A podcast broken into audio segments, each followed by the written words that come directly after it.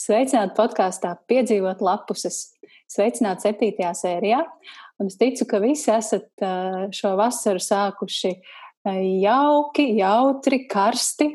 Lai arī šīs die, šodien aiz loga ir diezgan lietains un izskatās tāds pavārs, bet mēs runāsim par tādu vasarīgu tēmu, Man liekas, ka šī būs diezgan pārsteidzoša tēma. Mēs runāsim par sportu un lasīšanu, par grāmatām, kurās raksta par sportu, par sportistiem grāmatās un par sportistiem, kas arī lasa. Bet uh, pirms mēs ķeramies pie lielās tēmas, man uh, vispirms ir jāiepazīstina ar uh, šīs dienas sarunbiedriem. Un uh, šodien es, protams, nevarēju uzaicināt nevienu citu kā divus sportiskus cilvēkus, kuriem sports ir sirdī un kājās, un varbūt dvēselē, un kur, kur citur vēl to viņi paši pastāstīs. Šodien sarunāšos ar Jolantu Liepiņu. Jolanta ir, nu, Jolanta pati pastāstīs, vai joprojām ir, bet ir bijusi ļoti aktīva skrējēja, maratoniste. Un Jolantu es iepazinu Instagramā. Instagramā sekojiet viņai, viņas vārds Instagramā ir Run for Sun skriet pretī saulē, laikam tā tulkotos. U, čau, Jolanta! Čau, čau, čau! Un otrs mans saruna biedrs šodien ir Girts Tumans. Girts ir Armanda Pučas fanu klubā vienīgais dalībnieks, vadītājs. Vēl viņš ir futbolists. Um, gandrīz vai profesionāls, bet uh, kaut kā līdz tam profesio, profesionāliem līmenim uh, laikam nesanāca tikt. Kā tev pašam liekas, ģirta čau?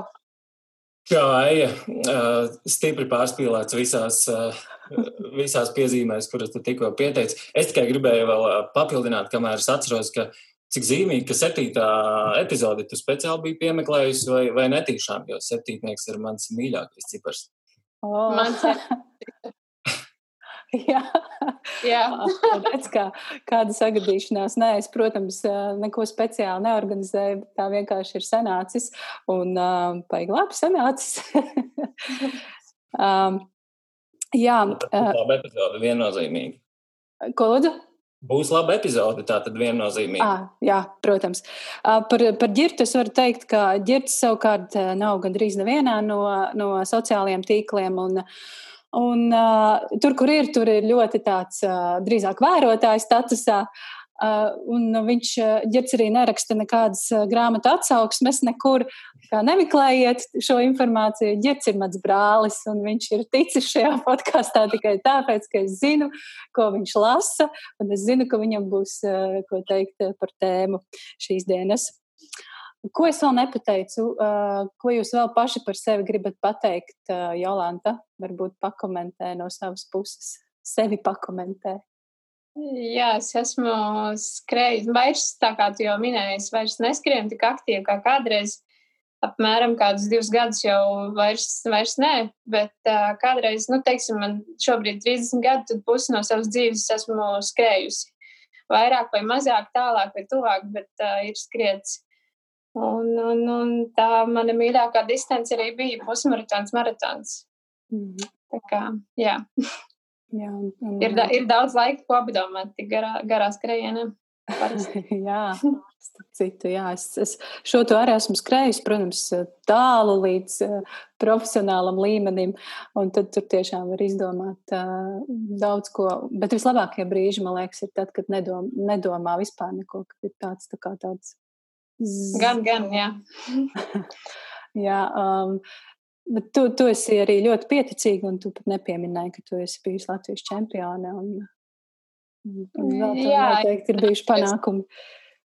Ir, ir sanācis jā, dažādās distancēs, un arī maratonā vienreiz, bet es laikam ar to beigtu tā nelepojos, jo man vienmēr liekas, ka tas rezultāts nevar tāds, ar ko beig lepoties. Bet, nu, vēlāk man izdevās maratonu arī daudz ātrāk noskriet nekā toreiz. Tā kā jā, kaut kas jau saskriets ir. mm -hmm. Un, Ģit, kā ir ar tevi? Kā, kā, kā ir ar tevi un sportu? Vai tev ir kādi panākumi, par kuriem tu varētu teikt, jā, es esmu lepns par tiem, un uh, cik vispār sport, sportam ir liela nozīme tavā dzīvē? Mm, par panākumiem tāds nekas graujošs, ne tuvu nav, ne tuvu neesmu Latvijas čempions nevienā disciplīnā. Esmu tikai piedalījies Latvijas čempionātā, šķiet, tur pieklētikas mačos kaut kādos. Un, bet tā, laikam par sevi, tad tā drīzāk varētu man būt rakstura iezīme kaut kāda, nu tāds, kaut kas, kas ir izteikts sportistam, tāds um, cīnītājs un, uh, nu, tur, tur es vairāk sevi savalku kā sportistu, kā cīnītāju un mērķiecīgu cilvēku. Nu, teiksim, tās īpašības, kas ir uh, nepieciešamas sportā. Uh, tur es vairāk redzu sevi kā sportistu, un tas ir arī mans panākums. Ļoti labi teikts.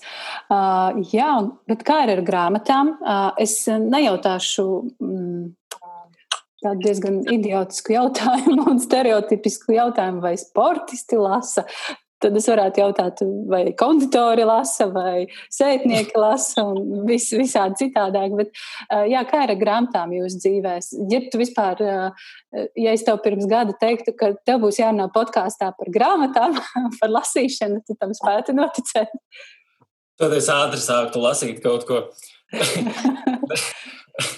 nē, nē, nu nav tik traki. Uh, uh, nu, labi, teiksim tā, godīgi sakot, es esmu tas cilvēks, kurš uh, tos vasarā, kā tās lasīšanas saucās, ārpus klases lasīšanas, nē, nu tās, kas, ko skolā uzdeva. Obligātā, literatūra.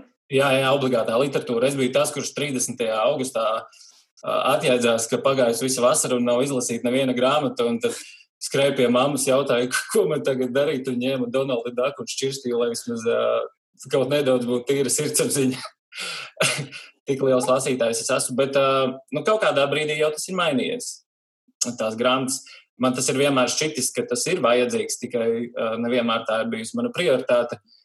Bet uh, kaut kādā brīdī tas viss ir arī interesanti palicis. Un, uh, un nu, piemeklēts laiks arī tam ir. Mm. Un kā ar tevi, Jolanta? Kā ir, kā, kā, cik liela mm, nozīme grāmatām ir tavā dzīvē? Man ir, teiksim, laikam pilnīgi otrādi, jo es sevi atceros vienmēr arī ar to pašu Donaldu Daku vai Miki Maušu kaudu sev blakus gultē, kad es biju maza, un tad es lasīju visu iespējamo, ko es varēju bibliotekā dabūt. Un es biju tāds, nu, totāls grāmatdarbs, bet es dzīvoju laukos, dzīvojos daudz arī pāri, un, un bija arī tās lietas visas, bet, bet grāmatas man vienmēr bija no rītiem, vakaros, pirms gulētiešanas un tā. Un, Bet atkal, kas ir uh, citādāk kā ģirtam, ir tas, ka es, uh, tad, kad paliku vecāka, tad tas laiks kaut kā vienmēr liekas, ka kļūst mazāk nekā tad, kad tu esi mazs. Un tad tā lasīšana šobrīd tieši nav vairs tik, nu, tik aktīva kā kādreiz. Kādreiz tur nedēļas laikā izlasīju, nes cik grāmatas tagad varbūt mēnesī vienu vai divas, tad jau ir labi. Mm -hmm.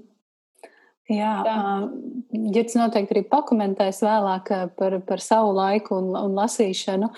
Bet kas ir tas, ko jūs esat izlasījuši pēdējā grāmata, ko jūs esat izlasījuši? Jo mēs parasti podkāstu sākam ar tādu kā atskaitīti ar, ar viesiem, kas ir pēdējā izlasītā un ko šobrīd lasāt.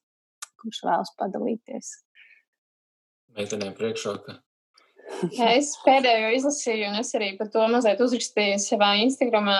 Es izlasīju Sabīnas, Sabīnas Košaļevas vientilības ministriju, maza grāmatiņa, braucu no Rīgas uz startu un izlasīju mašīnā. Un, nu, tādā ziņā, ka viņa plāni ir, nav, nav daudz tur, kur ieskrieties, bet tā man ļoti patika. Man, man vispār Sabīna patīk, kā viņa raksta. Un, Un tagad es, es nelasu, bet es gribētu las, izlasīt, um, man te mājās jau labu laiku stāv virsnieku sievas Andres Manfeldas grāmata. Es viņu iesāku kaut kad te, bet uh, man ir tā, ka es varu iesākt, bet es varu atstāt uz divām nedēļām un aizmirst.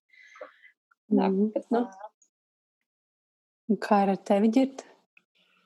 Jā, pēdējā grāmata, man sanāk, ka faktiski divas es uh, reizē izlasīju jo vienu bija sācis jau pagājušajā gadā, lēnām, lēnām viņu ripināju uz priekšu un, un pa vidam sāku vēl vienu lasīt. Izklausās, ka es daudz lasu, bet, bet jā, tad pēdējā bija par sapiensiem cilvēces īsā vēsture. Tas bija tāds tuva tēma, nedaudz interesē vēsture un vispār kā cilvēki, cilvēks attīstījies un cilvēka domāšana attīstījusies. Un paralēli tam arī uh, izlasīju uh, Armanda Pučas, tā paša, kura fanu kluba vienīgais dalībnieks esmu. Armanda Pučas grāmatu aitas. Uh, tā arī bija kaut kas, kas uh, lika padomāt par to, kā cilvēki domā. Mm -hmm. Un to, tas, ko šobrīd lasu, uh, esmu sācis um, izkrita no galvas pēkšņi. Nu, tā grāmata, kuru tu man uzdāvināji. ah, Stevens Hawkins. Ja? Jā, jā, Stevens mm. Hawkins. Stevens Hawkins. Nu pat uh, izdota grāmata Jā, Jānī Rozē. Uh, cilvēks jautājumi? Nē. Atbildes uz uh, jautājumiem. Par, jā. Uh, par, par, par cilvēku vēsturi. Mm, jā, un kā tev patīk? Kas tur ir labs? Uh, nu, protams, ka patīk. nu, tā tā sarežģīts jautājums. Ai, uh, jo, nu, kas, kas man patīk, varbūt uh, tas citam nepatīk, bet uh, es jau teicu, nu, uh, interesanti izzināt uh, cilvēku vēsturi un, un visu tā sākumu, lai saprastu, nu, kāpēc kāpēc mēs šobrīd domājam tā, kā domājam un darām tā, kā darām. Mm -hmm. Jā, bet uh, es, es vēlos atgādināt, ka šis ir absolūti subjektīvs podkāsts. Un, un šīs, kā es vienmēr sākumā atgādinu, šīs ir vienkāršas sarunas par grāmatām, un, un lasīšana un grāmatas vispār ir subjektīva lieta. Un tieši tā kā tu ģirdi saki, kas citam patīk, tam, tas citam nepatīk, un kas man patīk, tas uh, varbūt neuzrunā citus. Bet, uh, Tā, tā tam ir jābūt arī. Savukārt es šobrīd lasu bērnu grāmatu Tilda un Putekļu eņģelis, uh, Igauņu autors Andrus Kivirehs. Latviski ir izdotas diezgan daudz viņa grāmatas, daudz, vismaz trīs man šķiet. Uh, jā, esmu tikko sākus šo grāmatu, un tāds uh, stāsts par meitenīti, kas ir zaudējusi savu tēvu, un man patīk, uh, kā tas tiek apspēlēts, ka Uh, viņa mēģina uzzināt par to tēvu kaut ko vairāk, un viņa saka, ka viņai ir sajūta, ka viņas pagātnē ir kaut, kā, kaut kāds caurums, un uh, viņa to caurumu vēlas aizpildīt. Un savukārt pēdējā izlasītā grāmata, tūlīt parādīšu jums vāciņu, uh, ir šī te Kvīnijas Henesijas mīlas dziesma, autora Reičela Džoisa. Un šī grāmata ir interesanta ar to, ka tas ir tā tāds paralēlais stāsts citai grāmatai, uh, Harolda Fra, Fraja neticamais svētceļojums. Un, un, jā, un tas stāsts kopumā ir tāds, ka Haralds Frais un uh, Kvīnija Henesija, viņi ir bijuši pazīstami kaut kad uh, jaunībā. Un, un tad šobrīd uh, Kvīnija ir aprūpas namā, Un, un tad Haralds, tajā grāmatā par Haraldu, Haralds iet pie viņas kājām pāri visai Anglijai. Savukārt grāmatā par Kvīniju tiek atklāts, kā viņa jūtas un kā, kāda ir viņas pagātnes rēgi un sajūtas. Un saistībā ar šo pārgājienu pāri visai Anglijai, Anglijai ko veids Haralds Frais, man uzreiz jums ir jautājums kā sportistiem vai staigāšana, iešana, gari pārgājieni arī ir sports, jūsuprāt? Mm, droši vien, ka īsti teikt, ka sports nē, bet tā ir fiziska aktivitāte. Un uh, tur droši vien ir atšķirības, jā, ka ir fiziskās aktivitātes un ir sports. Un es šobrīd nodarbojos ar fiziskām aktivitātēm uh, savai veselībai, un tas īsti nav sports, manuprāt. Nu, tādā mm. ziņā. Es, es, jā, es paskrienu, es kaut ko padaru, es aizēju sporta zāli, bet teikt, ka tas ir tāds izmērāms, jo sports ir, nu, manuprāt, izmērāms uh, skaitlos, centimetros. Uh, nu, tas ir izmērāms kaut kādā veidā. Un, mm. un, un tomēr arī svarīgi tur ir tā sacensība savā starpā. Bet, uh, bet, bet pārgājieni ir superīga lieta. Jā. Ko tu ģirdi vari pateikt par pārgājieniem, vai tās ir, vai tā ir? Jā, tā, jā.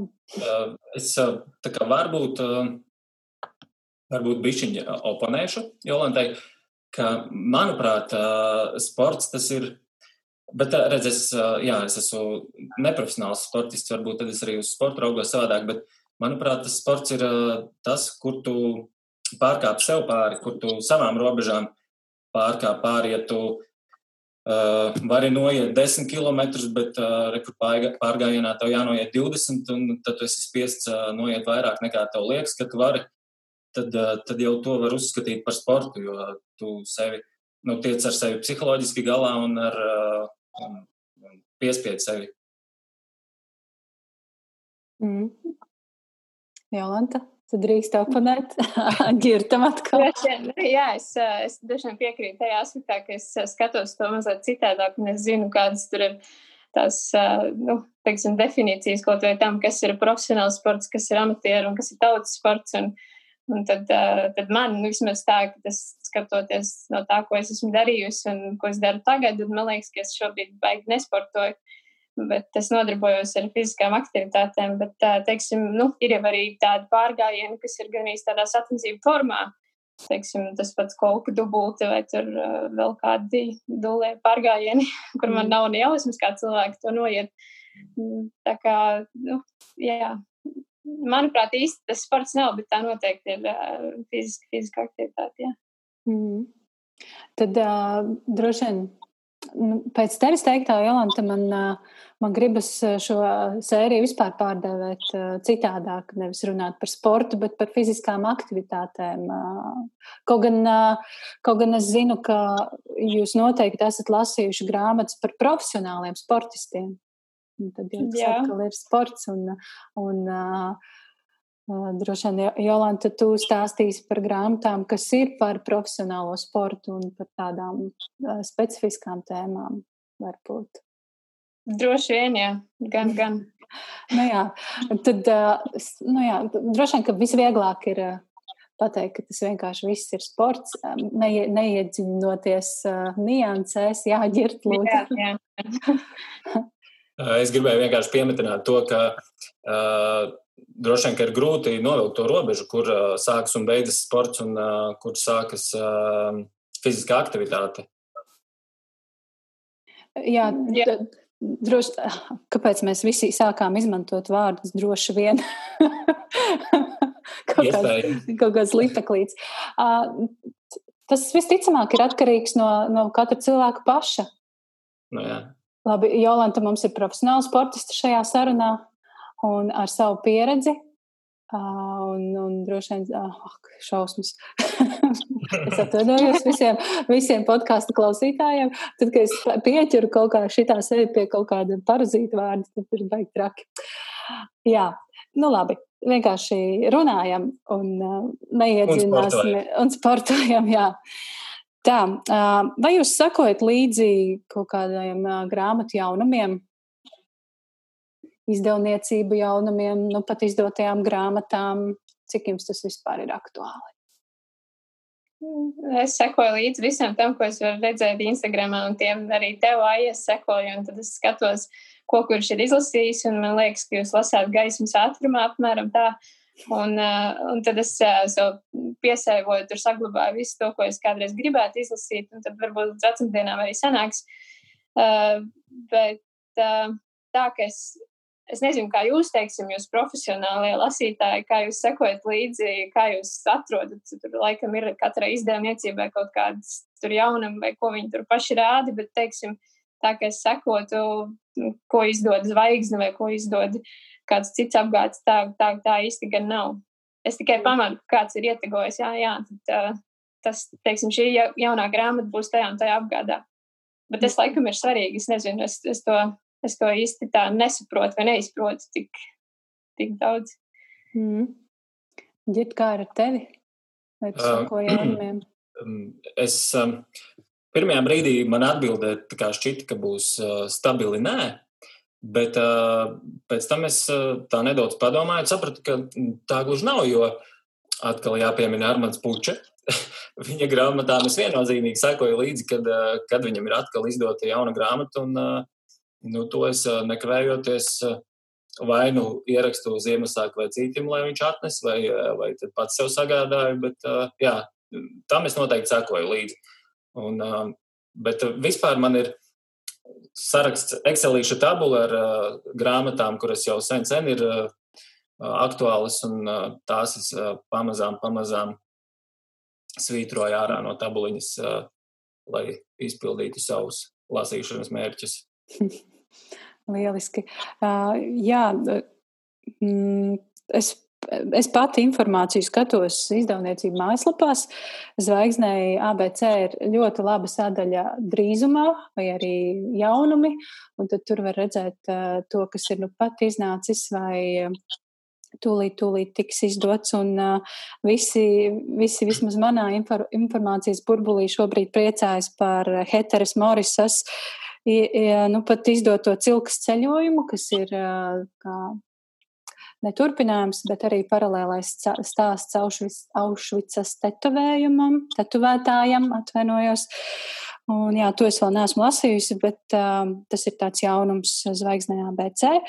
Un, ko es vēl pamanīju, uh, un kas vēl nav minēts šajā podkāstā, ka Rowlingas uh, Harijs Poters un Ugunsbiķeris arī drīz būs pārizdots. Un, uh, to tad arī drīz varēs papildināt savu Harry Potter sēriju. Um, un izdevniecībā Liels un Mazs ir iznākusi dzējoļu grāmatiņa Ej, nu, ej, autors Mārts Pujāts, un uh, tie ir dzējoļi par viņa bērnību. Nu tā, tas ir tas, ko es vēlējos pieminēt no jaunumiem. Un tad es domāju, ka mēs varam ķerties klāt arī pie mūsu šīs dienas lielās tēmas par grāmatām un sportu, jeb fiziskām aktivitātēm. Bet pirms mēs runājam par šo, vēlos iestarpināt nelielu mazu reklāmiņu. Man ir aizsākusies lieliska sadarbība ar kādu citu podkāstu. Kā mēs visi zinām, neviena grāmata, neviens teksts nevar dzīvot bez pieturzīmēm. Tās ir kā stāsta daļa. Un par pieturzīmēm cilvēkos, grāmatās un valodā runā podkāsts pieturzīmes, sarunas ar dziniekiem, tulkotājiem un citiem valodas jomas profesionāļiem, Klausieties podkāstā Pietursīmes, kas atrodams visās populārākajās podkāstu platformās. Lūk, tā. Iesaku šo podkāstu, ja jums, ja jums un klausītājiem interesē tādi valodas jautājumi. Ļoti interesants sarunas tieši par latviešu valodu un par valodu kopumā. Nu tā, stāstiet, kas ir labākais saistībā par, par sporta tēmu, ko esat lasījuši? Mm, droši vien nu, es, mēģināšu sākt. Es, es nevaru noteikti nosaukt vienu kaut kādu izcilāko gara darbu, kas man ir, kur, kuras izlasot, nu, ir iedvesma visai, visai sportošanai, bet uh, pa laikam ir kaut kādas labas lietas, kur, kur uh, gadījies atrast un kas un kas tā ļoti uzrunā. Uh, skriešanā droši vien ir varbūt mazliet atšķirīgāk. Es nezinu, ko Girts lasa un kā, ko, nu, kā, kāds viņam, viņam ir futbols un, un sporta spēles ir atkal cita, cita, cita lieta, bet uh, man ir absolūti individuāls sporta veids un man tās grāmatas, ko es arī šeit kaudzēju, esmu sakrāvis sev blakus, man ir sadalīts viņas trijās tādās kaudzītēs. Un tad uh, viena daļa, ko es esmu lasījusi, nu, vai, vai, vai, vai, vai lai uzlabotu, vai, vai kaut kā nu, intereses pēc, ir, ir, ir tīri saistītas ar, teiksim, te man ir anatomija, fizioloģija un, un, un tādas lietas, vai, teiksim, skriešanas tehnika un, un treniņu metodas un viss kaut kas tam līdzīgs, kas ir, nu, tāda tehniskā puse, kas, kas man ļoti arī interesē.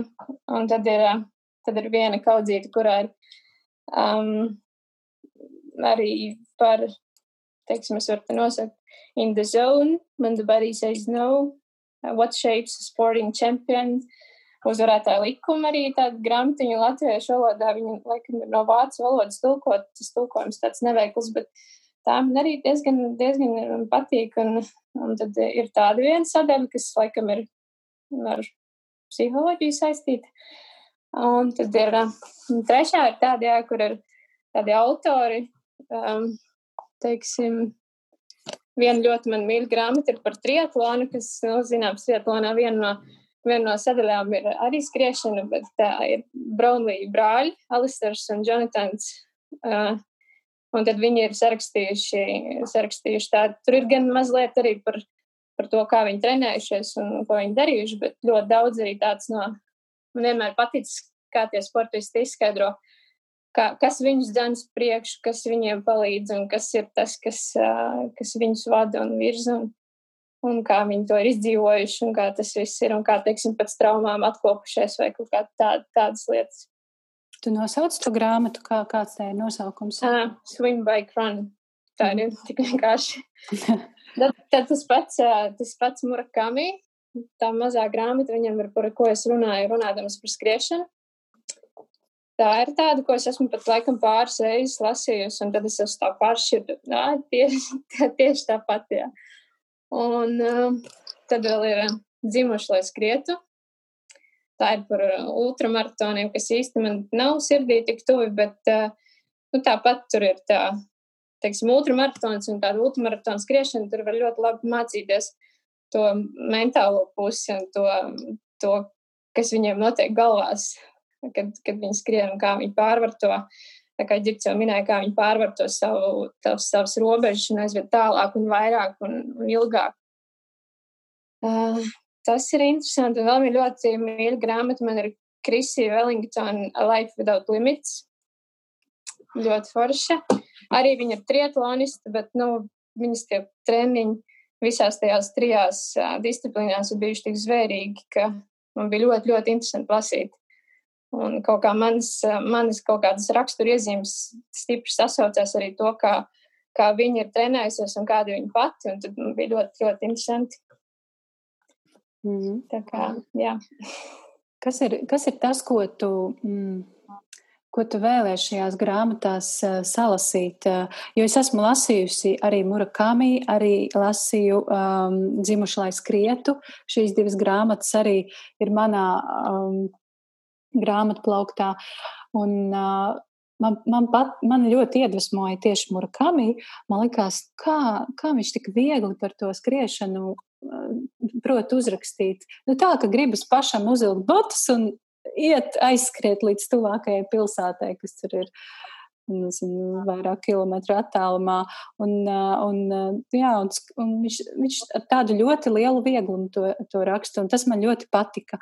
Man patika tas, ka šīs grāmatas mani iedvesmoja, kā absolūti neprofesionāli, skrienu es tikai tur tā, lai uzturētu savu veselību, varbūt kaut cik kārtībā. Bet kā tu kā skrējēja, Jolanta, kā tu lasi šīs grāmatas? Vai tas ir tev iedvesmas avots, vai tas ir motivācija, vai tas ir kaut kāda cita iespēja paraudzīties citādāk uz to pašu lietu? Ja tieši par tām grāmatām, kur, kuras ir rakstījuši cilvēki, kuri paši skrien, un, nu, tad, um, tad nu, sākumā ir viens tas, ka tu esi izlasījis, teiksim, āporši jaunu grāmatu iznākusi, un tas ir kaut kāds cilvēku viedoklis. Un reizēm tu sāc lasīt, un tev galīgi īsti, tā kā, nu, tev pašam īsti nepatīk, tā kā mēs jau teicām, viss ir subjektīvs. Bet um, es kaut kā pat, varbūt, teiksim, sākumā noteikti negaidu neko, nu, es, un es uh, skatos, nu, lasu un vērtēju, un tad man, teiksim, ir kaut kādas domas, kas aizķers vai kaut kādas lietas, ko viņi ir darījuši, un tas pats Murakami, viņam tas, um, jā, kāds saka, tāds tā kā miers, tāds kaut kāds sistemātiskums, kā viņš uh, gan raksta, gan ka viņam liekas, jā, ka tad, to, ko viņš dara šobrīd, viņš dara pilnu atdevu, viņš nedomā neko ko citu, un tad, kad viņš skrien, tad viņš skrien. Un, uh, bet ļoti, ļoti interesanti paskatīties uz viņa to arī uz to iekšējo pasauli, ko viņš domā, tad, kad, tad, kad viņš skrien un kā, kā viņam tas viss ir. Un, um, es neteiktu, ka es kaut ko baigi gaidu, vai kaut kā es gaidu, ka man speciāli kaut, kā, kaut kas iedvesmos. Vai, jo man liekas, katrs no mums skatās uz tām grāmatām un izlasīt to caur savu kaut kādu pieredzes prizmu un caur savu, savu to es nezinu, raksturu vai, vai ar kaut kādām tām lietām, kas mums ir svarīgas. Jo, teiksim, kas man varbūt svarīgi, nebūs otram svarīgi. Un, un tā iedvesma ir tāds arī, nu, nezinu, man liekas, tāds mazliet maģiski jēdziens. Mm. Bet tu, tu minēji vienu grāmatu, kas tev ir iedvesmojusi. Tas bija par to triatlonu, Swim Bike Run, vai, vai nē? Uh, vispār tās abas par triatlonu, tās grāmatas ir uh, nu jā, varbūt savā ziņā var teikt, ka tad, kad tu, nu, es izlasīju viņus, nu nav tā, ka uzreiz es tur metos skriet, iet, iet skriet vai kaut kā, bet uh, es, pie, es pieķeru sev pie domas, ka es par tām grāmatām domāju ilgāk nekā parasti par kaut ko citu. Teiksim, arī tais pašos treniņos es trenējos divreiz dienā entos gadus, un tad tu jūti, ka tu tajos treniņos domā, teiksim, ah, jā, a, kā es to varētu sev pielāgot no tā, ko es esmu izlasījis, un kā es tur varētu kaut ko atrast vēl. Un, un tu, tu skriešanas laikā vēl sakārto pats sev tās uh, idejas un domas, un, un tas, un tas, to es varbūt saukt par kaut kādu tādu iedvesmu. Mm. Jā. Un kā ar tevi, Girt, kas ir, kas Jā. ir tāds labs, ko tu esi izlasījis par sportu, tā... par fiziskām aktivitātēm, par sportistiem? Jā, es pirmkārt klausījos Jolantā un man ieintriģēja arī jau tās dažas grāmatas, par kurām viņa runāja. Jūs, starp citu, droši varat uzdot arī viens otram jautājumus, ja jums ir. Es Nē, neesmu tā kā vienīgais jautātājs. jā, tu vidutājs. jā. Uh, bet, uh, jā, tā, tās es noteikti pēc sarunas uh, off-topikā gribēšu uh, kaut kur sev pierakstīt. Bet tās uh, manas grāmatas, Uh, nu, nav jau viņu super daudz, bet uh, man kaut kā atkal atgriezīsimies pie uh, Armanda Pučes. Droši. viņu, viņu šajā podkāstā es uh, slavināšu. Un, jo, nu, principā jau viņš ir vienīgais uh, tāds uh, autors, ko es, uh, ko es lasu un uh, izlasu visu, ko viņš saraksta. Un, uh, es nezinu, kāpēc man grūti pamatot, kāpēc tas tā ir. Uh, nu, tāds loģisks izskaidrojums nav. Viņš vienkārši labi raksta, manuprāt, un uh, viegli pasniedz, viegli izlasīt ātri. Un tas spilgtākais, kurā tā grāmata, teiksim, no kuras vispār es sapratu, ka oh, tiešām lasīt ir interesanti un tam ir vērts atveltīt kaut kādu laiku, bija pirms desmit gadiem. Man liekas, nu, tāda arī pirmā, vismaz viņam tāda pirmā nopietnā grāmata bija, tā bija grāmata Armanda Pučas grāmata par Sandu Ozoliņu, Ozo cilvēks uz ledus. Man, diemžēl, nav ko parādīt, jo es nezinu, vai tas ir labi vai slikti, bet tās grāmatas, kuras mēs te mājās izlasām, mēs uz biblioteku laiku pa laikam nesam citiem lasītājiem, tāpēc man viņas vairs nav. Bet, jā, un kāpēc, kāpēc man viņa patika? Un vispār ar mani pučas grāmatas. Pirmkārt, tā bija, man ļoti patika Tā bija biogrāfija par sportistu. Man tas nu, šķita ļoti interesanti. Uh, sekot tam, teiksim, nu, tam gadu gājumam, kā, kā viņš attīstās kā sportists un kāda viņam notikumi tur paralēli dzīvē notiek. Un, lasot biogrāfijas par sportu, sportistiem, man, man patīk atvērt Wikipēdijā uzreiz šo sportistu lapu un, un teiksim, sakot, izlasīt grāmatā kaut kādas nianses un paskatīties, kāda viņam tajā sezonā ir bijusi statistika, un tad mēģināt izdomāt, kāpēc viņš tajā sezonā ir nospēlējis labi. Um, un varbūt grāmatā atrast kaut kādu tādu punktu, kas viņam tajā dzīvē ir licis, uh, nu, kaut kas ir noticis tāds, ka viņš tā ir varējis izdarīt, vai savukārt, kāpēc tā sezona ir slikta bijusi, un, uh, un uh, arī atrast grāmatā, nu, izsecināt, Tā kā padomāt līdzi, padomāt par to viņa dzīvi, ko viņš ir darījis pareizi, ko nepareizi, un, un tad atkal aizvilkt to uz savu dzīvi, varbūt kā šī brīža mani lēmumi var kādus iespējas atstāt tur pēc gadiem, 10 vai 20. Uh, jā, to, to es lasu, teiksim, grāmatās par sportu, par sportistu biogrāfijās. Un vēl arī tajā grāmatā man ļoti patika, jo tur, tur bija aprakstīts arī nedaudz tas brīdis, kad Latvija paliek neatkarīga, kad, kad Latvija, nu jā, teiksim, kas arī varbūt izskaidro šī brīža cilvēku domāšanas veidu, kas man arī liek, ir, ir ļoti interesanti palasīt grāmatas par, par padomu laikiem vai padomu laiku beigām, par Latvijas, neatkarīgās Latvijas atjaunošanos, kad izprast to laiku un izprast, kāpēc cilvēki tagad, kāpēc viņi tā dara, kā dara un domā to, ko domā. Tas mm. ir tas, mm. ko es meklēju. Tas. Mm. Skaidrs, paldies. ja es varu mazliet arī no savas puses padalīties, kā jau es minēju, es pavisam, pavisam galīgi neesmu nekāda sportiste. Manā gadījumā tiešām var runāt par fiziskām aktivitātēm. Un, un es, pat, es, es pat varu to droši apgalvot, jo es pat nesasniedzu savus kaut kādus nākamo līmeni, kad man sevi jāpārvar, kā ģirts minēja. es, es aizēju tikai līdz tam brīdim, kad es varu, un tad, kad paliek pavisam grūti, tad es tā kā, ok, tad mēs metam mieru un atpūšamies. Uh, bet, uh, ja mēs tomēr runājam par. Piedodāji, es jā. drīkstu paturpināt. Vienkārši jā. man ar to pauzīti bišķiņā aizsitās domas, tās, jā, ko es droši. gribēju teikt, jo kamēr Jolanta runāja, man viņas tā smuki sakrājās, un tad, kad man bija jārunā, tad uh, viņas visas kaut kur izgaisa. Atvainojiet, uh, Nē, viss kārtībā, tāpēc mēģinu tagad atkal viņas sastruktūrizēt pie sevis. Bet, uh, jā, man, man patīk, jā, uh, tur bija par, tas jautājums par iedvesmu, vai, vai tā grāmata iedvesmo vai nē. Te atkal man it kā tā pirmā atbilde bija, ka nē, neiedvesmo, bet, bet, bet padomājot, man ir tā, jā, es, es teiksim, eju ārā, nezinu, skriet vienalga vai tos daudzos kilometrus vai kaut kādus uh, stadionā pa celiņu, uh, sprintus vai, vai, vai celt štangu, tad uh, tā ir izlase, teiksim, to grāmatu, kur tas pats Ozoliņš, kā viņš tur atkopjas pēc traumas, cik viņš, uh, cik viņš, nu kā viņš arī sevi pārvar, tad, uh, tad man liekas arī, nu, ja viņš var, tad es arī varu. Tad, uh, protams, es it kā spēlēju futbolu amatieru līmenī, bet, eh, bet te bija tas, eh, tas ko es runāju, ka nu, sportists tas ir kaut kāds tāds eh, nu, mentāls stāvoklis. Es sevi sportistu saskatu tajā, ka es visu, ko es sportā gribu dar, dari, daru, es visu laiku gribu būt labākais. Lai kur es piedalītos, es gribu uzvarēt, un, un es saprotu, ja es gribu uzvarēt, tad man ir arī jātrenējas. Un, un man jātrenējas tik daudz, lai, tas, ka tas brīdis, kad paliek grūti, viņš jau ir sen aiz muguras. Vai tas ir ar sāpēm, vai tas ir bez alpas, vai ir arī čurātas asinis.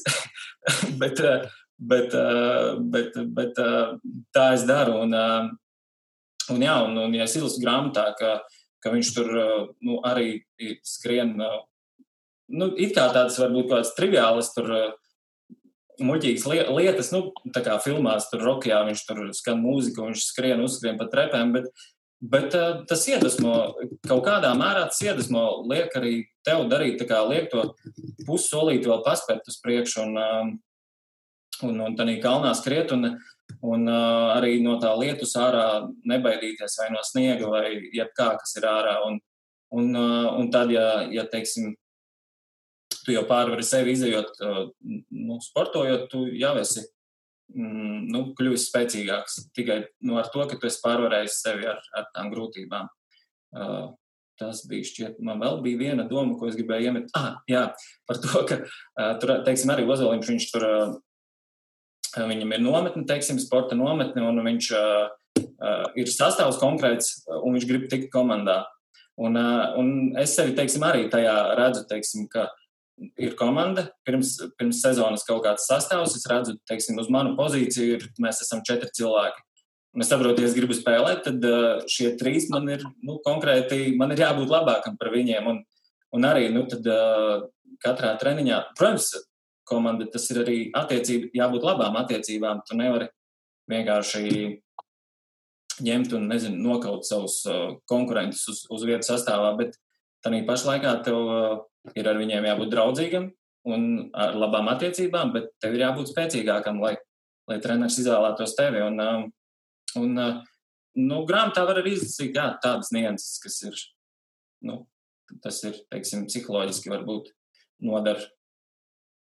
Man ir viens jautājums, man ienāca prātā, man ir ģirtam jautājums, cik uh, ilgu laiku atpakaļ izlasīja to grāmatu par ozoliņu tieši? Pirms desmit gadiem. Mm -hmm. ah, tad tev joprojām ir tāds nu, diezgan spēcīgs atmiņas, un tu atceries. Jā, jā. Nu, es, es saku, tā bija nu, pirmā grāmata, nu, tā, tā teiksim, nopietni, ka, uh, nu, neskaitot vidusskolā, ko es tur kaut ko sasmalstīju vai ko literatūrā izrunāju, to, ko meitenes bija izlasījušas, uh, tad uh, tā bija tiešām tāda pirmā grāmata apzinātā man šķiet, ka man Aija viņu arī uzdāvināja, bet, bet es viņu pavisam noteikti gribēju, lai viņi man viņu uzdāvina. Un tā bija tā, ka nu, es tiešām paņēmu un, un ar lielu interesi lasīju. Mēs bijām pārsteigti, jo es viņu izlasīju pa vienu nakti. Un, un es, un, nu, tas jā, man tiešām atstāja, gan pats saturs atstāja lielu iespēju, gan, gan tas secinājums, ka, ka lasīt ir interesanti un vērtīgi. Mm -hmm. Tāpēc tik spēcīgas atmiņas iespējams. Kāpēc es to jautājumu uzdevu? Jo man kaut kā ir licies reizēm, ka tās grāmatas, ko mēs izlasām, nu, viņas atstāja to iespēju vai iedod to iedvesmu uz kaut kādu būstiņu, uz kaut kādu periodu tikai, tas periods tad ir tāds pamatīgs desmit gadi. jo, jo man, man, nu, ja mēs tā pavisam pa lielu bildi runājam sportā, tad man šķiet, ka, ka tā iedvesma vai motivācija, nu, ja viņi tev pašam iekšā, nu, pašmotivācija, to viņi nav tad īsti jau no ār, ārpuses, tu viņi, tu viņi var dabūt, bet tu viņi var dabūt tādās mazās devās. Un tad tu dabū, ok, un tad tev vajag atkal kaut ko jaunu, kaut ko vēl nu izlasīt, vai redzēt, vai saklausīt, vai no kāda, tā, kāda dzirdēt, vai tur. Un tā, un tad, tā, bet acīm redzot, ir grāmatas, kas ir tik spēcīgi, nu, rezinējuši dažiem ar, nu, ar, teiksim, jā, ar, ar tevi kā sportistu, ka, ka, ka ir atstājuši tādu, tādu pamatīgu iespēju kas ir paši. Uh, jā, es uh, papildināšu to, ka, uh, teiksim, man uh, tāda, nu, sportošanai kaut kādu ārēju iedvesmu īsti nekad, uh, man tā licies, nu, ka nekad nav vajadzējis, jo es jau tā kā teicu, ka uh, man pirmā atbilde būtu, vai, vai grāmatas un iedvesmo sportot, it kā būtu, liekas, nu, ka nē, neiedvesmo, bet, uh, bet jā, iespējams, šī grāmata varbūt viņa bija tieši laikā, kad uh, kad es pats mainījos kā cilvēks, nu, varbūt no kaut kāda vidusskolēna uz jau, jau pieaugušu cilvēku, un, uh, un kad, kad bija jāpārplāno tā sava dzīve, un, uh, nu, kad, nu, jā, iespējams, ka viņi bija tieši tādā momentā dzīvē, kad, uh, kad varbūt man, kad to visvairāk vajadzēja, vai, vai, vai varbūt kaut kā tā varētu teikt, un varbūt tāpēc viņi arī atstājusi tādu, tādu lielu nospiedumu personīgi man. Mm -hmm. Tas ir, tā ir tāda interesanta lieta, ko tu ģiet stāsti. Vispār kāpēc es šādu tēmu esmu aizsākusi, nē, bet kāpēc mēs runājam par sportu un lasīšanu, jo es vēl nesen biju skolotāja un es mācīju latviešu valodu un literatūru un liku saviem skolēniem lasīt. un tad, tad bija tā, ka Lielai daļai nebija gribēšanas, nebija laika. Ļoti daudz tieši puišu nodarbojās ar kādu sporta veidu. Visbiežāk tas bija basketbols, vismaz manā skolā. Daži bija arī hokeisti, tad vieglatlēti. Un es, es īstenībā pilnīgi ticēju arī viņu teiktiem, ka viņiem nav laika. Un tad es domāju, kas būtu tas, kas viņus varētu aizraut nu, vismaz pēdējā mācību gadā es tā domāju. Bet pirms tam, tad, kad man kāds pieklasnieks atnāca ar Kambalas grāmatu un teica, es izlasīju šo, tad es domāju, oi, es nezinu, vai tā ir pieklasnieka grāmata. Un, un, un vēl, jā, es biju diezgan skeptiska pret, pret šādām biogrāfiskām grāmatām. Likās, ka kā, nu, bērniem jālasa daļa literatūra un pasakas un skaisti stāsti par dzīvi. Bet um, Protams, bērni un jebkurš var lasīt eh, jebko, kas pašam patīk. Vienīgi ar to kambals grāmatu, jā, gan ir tā, tāda mazliet nevajadzētu lasīt. Tur, tur ir daudz dažādu interesantu epizožu, lai neteiktu vairāk rosinošu epizožu. jā, tur iespējams kaut kādas nodaļas vajadzētu izņemt, lai viņu, lai to grāmatu varētu lasīt 12 gadnieks, bet tad tā grāmata vairs arī nebūs tik interesanta. Mm. Jā.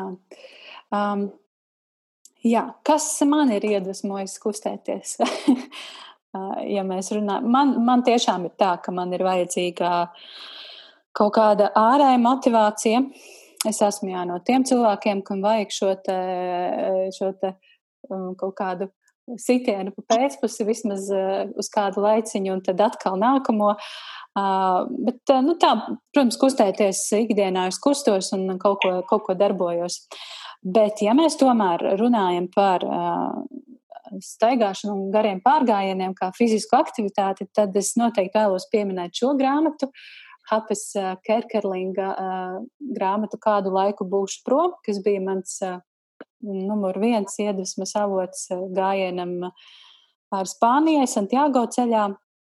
Ļoti, ļoti laba grāmata īstenībā. Ja arī neplānojat doties Santiago ceļā uz šo Santiago Kompostelas katedrāli, tad izlasiet noteikti, jo grāmata ir ļoti humora pilna, amizanta un aizraujoša. To var lasīt vienkārši kā piedzīvojumu stāstu. Uh, par šo pašu tēmu arī nu, pat Kristīna Ulberga ir uzrakstījusi, iz, izdevusi karietu uz Santiago, par ko es esmu arī Instagramā daudz stāstījusi. Un, un, un jā, jau minētā šī te Haralda Frāja neticamais sāceļojums, kas arī ir par garu pārgājienu un sevis meklējumiem. Um, sports taču arī varētu būt kaut kādā ziņā sevis meklējumi, kā jums liekas? Vai, vai sports jau ir jau sevis atrašana? Jolanta, kā bija ar tavu sportisko karjeru? Mm, mana sportiskā karjera sākās vēlu. Man bija 14 gadi, kad es izdomāju Saldzgrības vidusskolā mācoties, ka es gribu kaut ko darīt. Un, un tad es aizgāju uz basketbola treniņiem, jo mūsu skolā tā arī bija ļoti tāda tradīcija. Tad izrādījās, ka Dievs man ir iedalījis 1,60 m, un no manas basketbols neiznāca.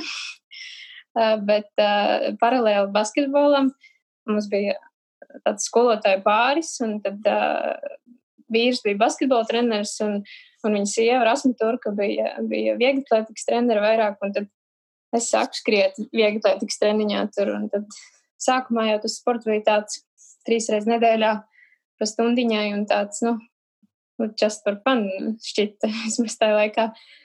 Bet tā, tā konkurence, teiksim, skriešanā Latvijā ir tīpaši sieviešu un meiteņu vidū ir tik maza, ka man ātri vien izdevās sasniegt kaut kādus panākumus tajā pašā kaut kādā tur rajona krosā, tur kaut kur, un, un tad vēlāk jau arī tur lielākās sacensībās, un, un tev tas āķis lūpā kaut kā parādās diezgan ātri.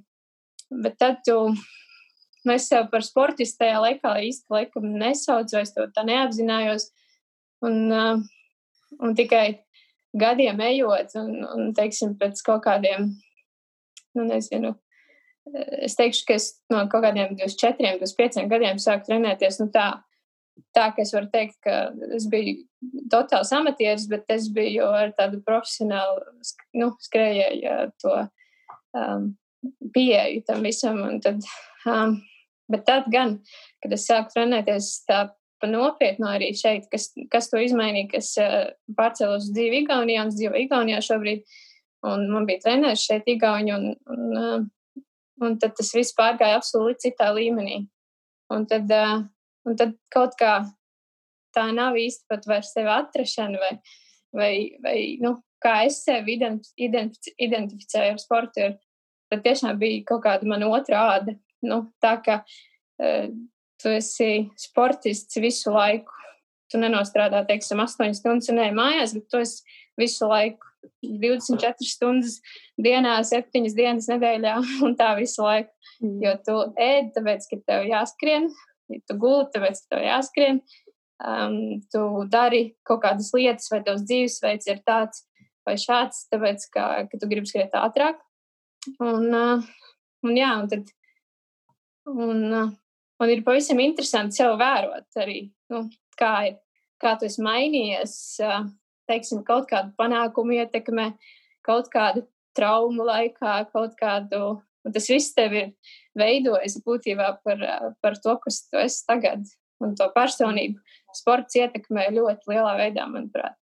Mm. Un, un es teikšu, ka daudzas lietas par sevi es atklāju, esmu ties, tieši caur to sporta prizmu kas ir, kas ir man bijis tiešām, tiešām kaut kas ļoti īpašs. Mm. Kā tev ir, Girta, tu esi sevi atklājis es, uh, kaut kādā veidā? jautājumu Jolantai vēl. Protams. Jā, Jā, es atļauju, kā Jolanta. es atļauju.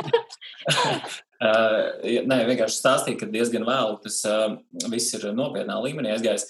Bet, uh, ja tas būtu bijis ātrāk, uh, gan sākts, gan arī nopietnāks pieejams, tam būtu vai varēja būt arī lielāki panākumi, vai, vai tomēr tas, nu, to savu pīķi tu esi sasniegusi tik, cik tu varēji no sevis izspriest? Nu, protams, domāt par to, kā būtu, ja būtu, mēs varam tikai tādā nu, iedomu līmenī, bet es pieļauju, ka. To es arī gribētu. nu, padomāt, kā būtu, ja būtu.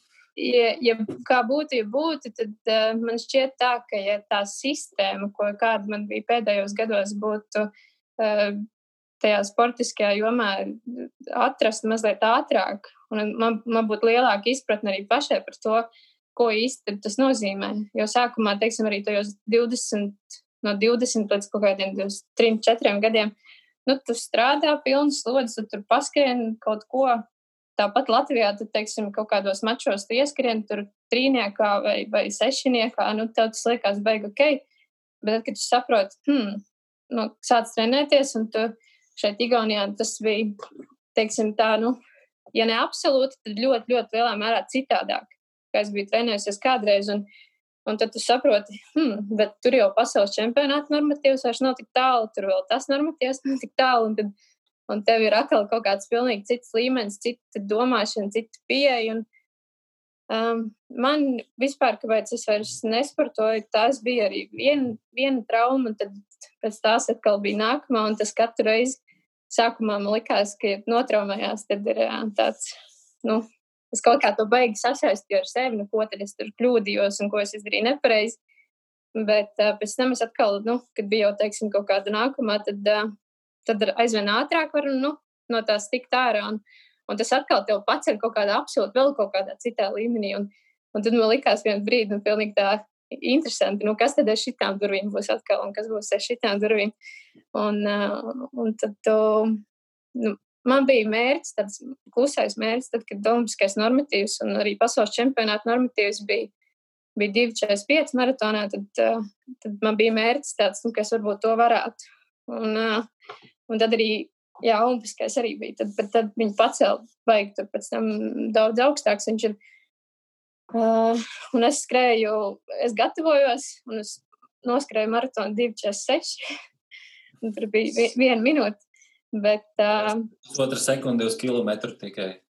Jā, bet, um, bet jā, nu, nu kā būtu, es, es tiešām nezinu. Iespējams, jā, ka es kaut kur varēju vēl kaut kur pakāpties augstāk, bet uh, tas ir daudz arī nu, atkarīgs no tā, cik daudz ir iespējas gan finansiāli, gan, gan laika ziņā. Un tad tu sāc lavierēt ar to, ka tu kā mazliet kaut ko piestrādā, un tad tu tad tu sporto, un tad atkal kaut kā tu nevar atrast to balansu starp to visu. Tad, tad, bet, kā, uh, varbūt tas būs uh, off-topic jautājums, bet tad uh, sanāk ar, ar skriešanu var arī um, uz uh, ne tikai maizi nopirkt, bet arī uz maizes dēs uzlikt? Nē. Vismaz tādā līmenī, kā, kā skrien Latvijā. Cilvēki. Nu, nu, okay. nu, tā, tāpat tās, tas ir, ir jābūt pamatdarbam un uh, Un, un, un skriešana ir kā tāds diezgan liels hobijs un jā, nopietns. Jā, un, jā. Uh, jā. Jo Latvijā profesionāli skrējēji bija tikai, manuprāt, ja es nekļūdos, ir tikai Jelena Prokopču, kura tikko pabeidz karjeru. karjeru un, tā kā man šķiet, ka nav tāda, ir, ir, ir amatieri, kas ir es, nu, kā es saku, ka viņiem profesionāli profesionāli sportisti pieeja, bet viņi ir amatieri. Jo profesionāli sportisti ir tad, kad viņam maksā algu no, to. Un, un tad, kad tev par to neviens nemaksā, tad, tad tā ir. mm. Nu, skaisti. Paldies, Jolanta, par tavu stāstu. Ja drīkst vienu tādu humoristisku mm, jautājumu, un saist, turklāt saistībā ar grāmatām, redz, kur ir Džoģo Mojas grāmata Pirms atkal tiksimies. Tas ir tāds mīlestības romāns. Nezinu, vai esat lasījuši, ķirts visticamāk, nav lasījis. Es neesmu lasījis. Bet varbūt esat filmu redzējuši. Uh, ir arī filma ar šiem pašiem burvīgiem aktieriem. Um, nu, lūk, un, uh, tur, tur šī galvenā varone, pirms viņa satiek savu liktenīgo vīrieti, viņas draugs uh, ir tāds sportisks cilvēks, kas uh, šķiet viņš trenējās triatlonam. Un, uh, un tad es gribēju jautāt tev, Jolanta, vai tā ir, ka nu, cilvēki, tu pati teici, ka tu ēdi, tāpēc, ka jāsporto, jāskrien un gulēji, tāpēc, ka jāskrien. Uh, un tas viss bija tās, nu, tā, tas sports bija daļa no tavas dzīves un tavas identitātes. Savukārt šajā grāmatā tas um, vīrietis, kas trenējās uh, triatlonam, viņš uh, visu laiku staigāja sporta apģērbā. Nu, kā tu teici, likru nenovilka no sevis visu laiku. Viņš gāja uz randiņiem bez mazai ar to, ar to meiteni sportiskā apģērbā. Un, un, un, un tad viņai bija jāsēž stadionā un jāskatās, kamēr viņš tur beigs savus uh, apļus skriet, tad, tad nu varēs tad beidzot aprunāties ar to savu uh, vīrieti, draugu. Un, kā, kā, vai tu vari pakomentēt, lūdzu, šo niansi, vai, vai ir tā, kā tu raksta? Pirmkārt, man šķiet, šķiet ļoti interesanti, ka viņiem ir izveidojusies kaut kāda saikne. Man liekas, ka, kā tad viņi viņu noķēra tur, ja viņš tikai visu laiku kaut kur kustās likrāsvā. Bet, uh, bet, bet um, pirmkārt, triatlonā trenējās, nu, ja ne trīs reizes, tad viņiem tas treniņu apjoms tieši laika ziņā ir tik daudz ilgāks, tik, tik jā, tieši ilguma ziņā, teiksim, ja, ja labu un kvalitīvu skriešanas treniņu tu vari ja divreiz dienā trenējoties, nu tās ir kaut kādas, teiksim, trīs stundas kopā, varbūt četras kādreiz. Tad triatlonā, manuprāt, ir visu riteņbraukšanu kopā. Tur ir, oj, nezinu, 6, 7, 8 stundas. Arī amatieri, nu, protams, ka tik daudz viņiem nesanāk, bet, nu, tā, tādi, kas ir profesionāli līmenī, nu, tā arī, tā arī ir. Bet, um, Es nezinu par tām, ja tieši par tām drēbēm jākomentē. par par jā, tādiem ikdienišķiem sīkumiem, cik ļoti tas sports aizņem, nu, burtiski ikdienu. Nu, arī, arī par to, kā tu ģērbies, ko tu velc uh, mugurā. Uh, Nu, man noteikti nebija tā, ka man visu laiku bija sporta drēbes mugurā. Man ļoti, es, es esmu strādājusi arī skolā, starp citu, jā, un tad, tad bija kaut kāds laiks, jā, ka tad, ja tu skolā jau strādāju, strādāju par sporta skolotāju. Tad, tad tu jau esi sporta starpā, un tad reizēm braucot mājās, ok, labi, nepārvelc, un tad atkal esi sporta starpā, bet nu, es dzīvoju ķengaragā, tur droši vien man saprat. Uh, bet, uh, bet, un, uh, Ierakstījies sabiedrībā. jā, es tā ļoti, un tad tur tas viss 15 trolēbus un viss bija kārtībā. Bet, uh, bet uh, tas, kā teiksim, skriešana izmai, izmainījusi ir manu teiksim, uzskatu vispār par dzīvesveidu kā tādu, tas gan. Nu, un tieši sports, ka, nu, ka, kas teiksim, man šobrīd ir skaists ķermenis vai, teiksim, vai, vai, vai kvalitīvs ēdiens vai nu, tādas lietas, tas gan es kaut kā citādāk novērtēju. Un, un tas ir interesanti, jā tev izmainās kaut kāds tie, tie uzskati par to, nu, kā, kā, ir, kā ir forši. nu, skaidrs. Vēl, Jolanta, tu minēji par to, šķiet, tā bija tu, kas teica, ka realitāte reizēm nesakrīt ar, ar izsapņoto. Tu tā teici? Kaut ko man šķiet tādu teici, jo es gribēju iestepināt par, par sevi, jo man ilgu laiku kaut kādā jaunības trakumā bija sapnis kāpt kalnos. Man likās, ka man noteikti ir jāuzkāp Everestā. Nu, kalnos kāpšana arī ir diezgan sportiska, fiziska man aktivitāte. Man, man arī ir tāds sapnis. Man ļoti patīk, kas saistīts ar kalniem. Jā, nu, lūk, un, un tad es sapņoju, un, un man ir šāda skaista grāmata, Everesta otrā sēja, Ilgvars Pauls ir autors, un, un, un tur ir skaist, ļoti skaistas bildes un, un apraksti par šīm tā, mm, virsotnēm visām. Un tā nu es sapņoju un sapņoju, un tad es reāli sāku, nu, es izgāju apmācību, ir Latvijā tāda kalnu grupa, ko, ko vada Kristaps Liepiņš, uh, mhm. -huh. Ja kādam no klausītājiem tāds sapnis ir, tad iesaku noteikti šo skolu un šīs apmācības. Tas ir tas pamats, kas ir vajadzīgs noteikti. Kristaps ar savu sievu Kristīnu iedod ļoti, ļoti labas prasmes un, un, un to, to, to, kas vajadzīgs, lai dotos kalnos. Un tad, kad es reāli tur nokļuvu, es sapratu, ka nu, Nē, nebūs Everesta. Jo nu, arī lasot vairāk par šo tēmu, es saprotu, ka tas, protams, ir arī saistīts ar fizisko, cilvēka fiziskajām spējām, bet tas ir lielā mērā saistīts arī ar naudu, ar, ar, ar finansiālo situāciju.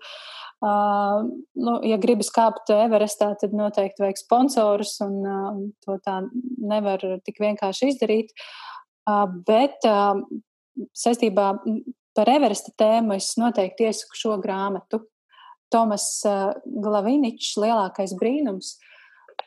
Tur ir viena, viena, viena stāsta puse, ir šis kāpiens Everestā, Bet uh, otrs, uh, otra, otrs aspekts ir vienkārši cilvēka sevis meklējumi un, un atrašana. Un, manuprāt, ļoti viena no labākajām grāmatām, ko es esmu lasījusi. Uh, un es iesaku, jā, un tas ir arī par kaut kādiem, kaut kādiem saviem mērķiem un to, to, to sasniegšanu un to limitu sasniegšanu vai pārsniegšanu vai pāriešanu. Noteikti iesaku šo grāmatu. Uh, Jā, bet tas, ko es vēlējos teikt, ka arvien vairāk lasot un uzzinot uh, informāciju par Everestu, es esmu šo to no Reinholda Mesnera lasījusi, es saprotu, ka, ka tas sapnis īsti nu, nesakrīt ar realitāti. Un, uh, es, uh, protams, varu sapņot, bet diez vai nu, man dzīvē tas tā izdosies. Kā ir jums, vai ir kāda grāmata, kas jūs ir atsviedusi atpakaļ realitātē? Tas var nebūt saistīts ar, arī ar sportu, vai, vai vienkārši ar dzīvi, vai kaut kā. Es, es, es gribu mazliet piemetināt pie tiem kalniem. Es tieši šodien noklausījos uh, vienu podkāstu, man, manuprāt, tas ir podkāsts Uguns skola, un tur bija intervija. Es neatceros vārdu, man ir tiešām, man ir, šis man ir kaut kāds uh, personības kaut kas, es neatceros vārdus cilvēku. Tur bija sieviete, kas uzkāpa Severistā mm. Latvijā. Un, uh, un Un, Tāda nevajadzētu būt daudz. Man liekas, ka viņa arī ir vienīgā, nu es nezinu, laikam, bet, uh, bet uh, viņa tik, nu, burvīgi, tiešām es jums iesaku noklausīties, ja jums sanāk. Un, uh, un es klausījos arī skrienot vakar, es viņu klausījos un šodien pabeidzu. Un tad, uh, Olga Kotova kas... droši vien, ja? Olga Kotova. Jā, jā, jā. Paldies. Un, uh, un, uh, Un kas man tik ļoti, ļoti patīk, un tas saskan arī ar to, kas man šķiet ir kalnos, te jūties absolūti kaut kādas tavas robežas vai iedomas vai kaut kādas vīzijas par to, kā būs, ir absolūti nu, nenozīmīgs. Un arī tavas tās ikdienas lietas vai kaut kādas tavas problēmas, ka tev šķiet, ka tas ir kaut kas tik ļoti unikāls un tikai manas lietas ir tik kaut kas ļoti īpašs. Un tu aizbrauc tur, un tur ir kaut kāda absolūti cits līmenis tam visam. Un tu paskaties uz tām lietām no, no pilnīgi absolūti citas puses, un tu esi pilnīgi tāds puteklis tur starp to visu, kas tur ir. Un, uh, un tas ir kaut kas, man liekas, kā tu saki, arī nu, no tās kalnu kāpšanas, un viņai īsti tur jau ir alpīnisms, nevis tikai tāds. Uh, Tāda pasteigta kalnos, bet nu, tas ir kaut kas maģisks, man liekas, nu, kaut kas beigas maģisks. Jā, tas ir tas, ko, tas, ko es gribēju teikt par tiem kalniem. Un tu arī to minēji, ka tu uh, atklāji par sevi kaut ko.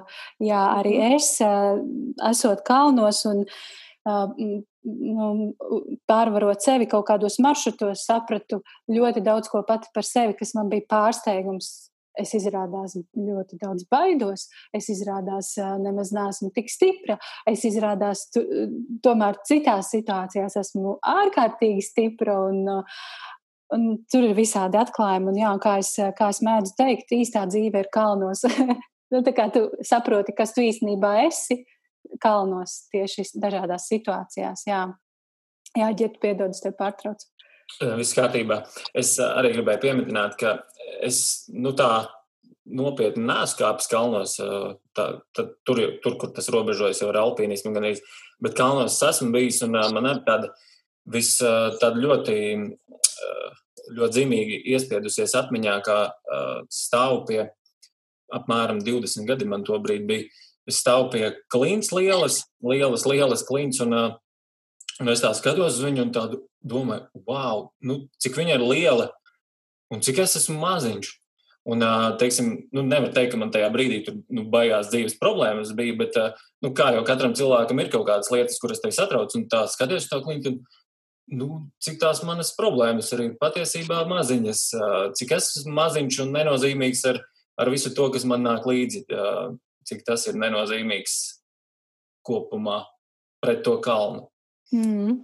Jā, jā, tā. Jā, jā. Un, man liekas, ka tā, šī tā grāmata To arī diezgan uh, lielākais brīnums, Tomas Glaviničs, uh, to arī diezgan labi atklāja. Jā, ka tad, kad cilvēks ir kalnos, tad tās pārējās uh, lietas tā kā, ir tāds fons visam. Nu, tāds mm. liekas, šķietami neno, nenozīmīgs. Jā, Klau, Jolanta, man ir vēl viens jautājums par skriešanu, un tad man būs daži jautājumi par futbolu ģirtam.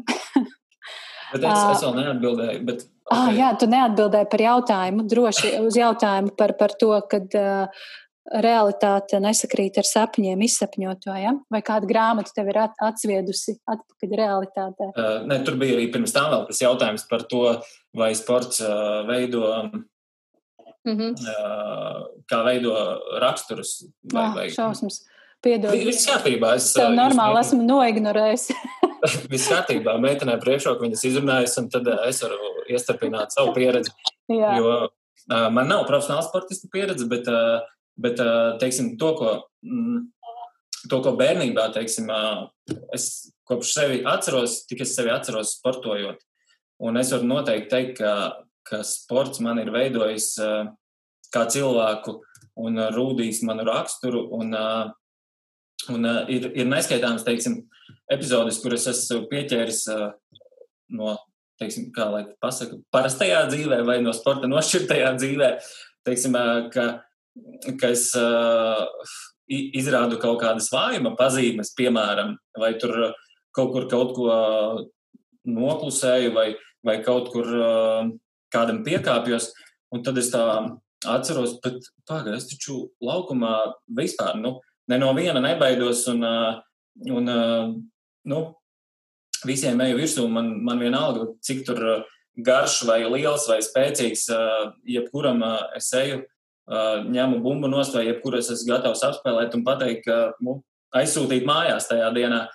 Un, un tas man ir līdzis, ka, pagaidi, ja tā daru laukumā, tad tā es noteikti varu darīt arī dzīvē, nu, iet ar tādu pārliecību. Un, sports noteikti man ir devis lielu, lielu pārliecību dzīvē par uh, Um, kaut kādus lēmumus pieņemt, kaut kādas um, lietas kārtot vai, vai uh, nezinu, pateikt, nu, ne pateikt, bet, teiksim, uh, izdarīt, uh, nokārtot lietas sev izdevīgāk uh, kaut kādās uh, darba darījumos. Un, uh, nu jā, jo es, atceros, teiksim, uh, mēs esam, es esmu no laukiem salīdzinoši, no, no mazas pilsētiņas Jaunjēlgavas, un mēs tur visi jaunieši, kas bija, nu, bērni, pusauģi. Uh, es biju viens no mazākajiem, bet, uh, bet lai mani kāds futbola laukumā būtu atbežojis, tā, tā nebija.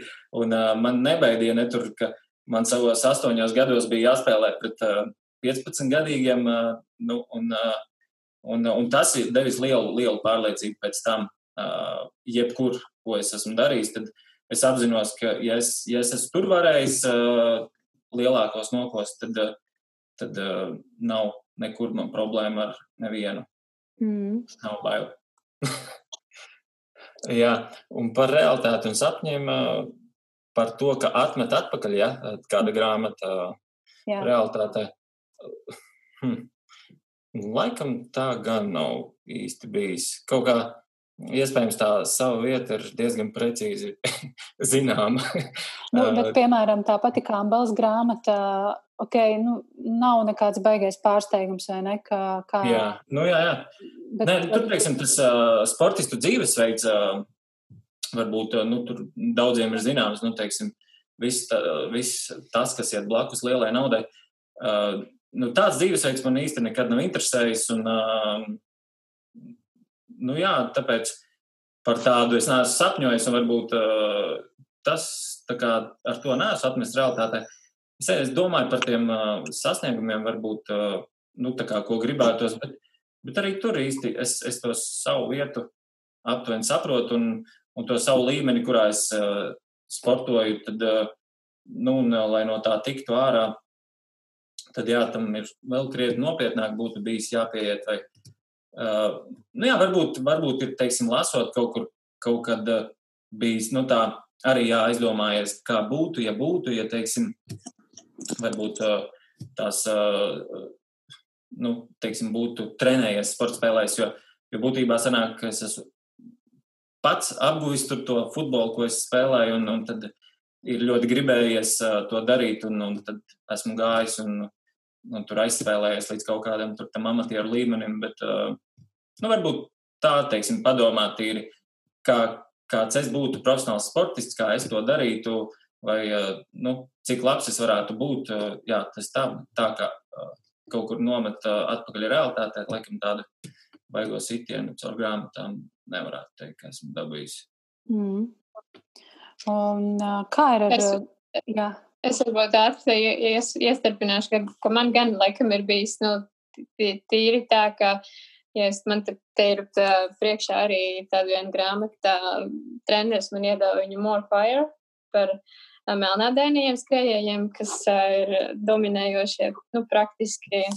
Un tad, un tad tu lasi, ko tu vari izdarīt sportā, savā sporta veidā, un tad tu lasi, ko viņi var izdarīt. tad tev liekas, nu, ok, ka tur ūdeni es varētu pienest, bet, uh, bet uh, jā. Uh, tad, tad gan ir tāds reality check, nu, kad tu saproti, ka tas ir, ko, nu, ka, ka tie līmeņi ir absolūti atšķirīgi. Mm. Bet tā bija arī ar šo grāmatu dzimuši, lai skrietu, kas bija par šo indiāņu cilti, manuprāt, jā. Un, un, jā, kur, manuprāt, jā, jā. Jā, un Peru vai Dienvidamerikā tas bija par Dienvidameriku, vai ne? Jā, tur bija kaut kāds īpašs vārds, bet es arī to vairs neatceros. Jā. Tur... jā, jā, jā. Un, un viņiem šī, šai ciltī tā skriešana ir tā kā tā, kaut kāds dabisks process. Un es lasu, un es saprotu, cik tas ir kolosāli, ka viņi skrien bez mazliet, nu, tas ir viņiem kā daļa no viņu būtības, tā skriešana, un tas notiek nepiespie, nepiespiežot sevi. Es saprotu, ka jā, tas ir tik lieliski tā skriet, Bet vai, es, vai es tā varētu? Nē, diez vai, jo man es piekūstu jau pie pirmā kilometra. Bet redzi, ja mums tā būtu bijis droši vien no, no, no sākta gala un, un no, starp ciemiem tur pārvietojās, lai ātrāk tiktu kaut kur uh, skrien un deso plikām kājām, tad es domāju, ka mums tas arī būtu tikpat vienkārši kā mm. ja dušā vai vienalga, ko citu izdarīt. nu jā, jautājums ir par to, nu, to izcelsmi, kā kur mēs esam, kā mēs esam veidojušies eh, kā cilvēki un, un arī kā sportisti.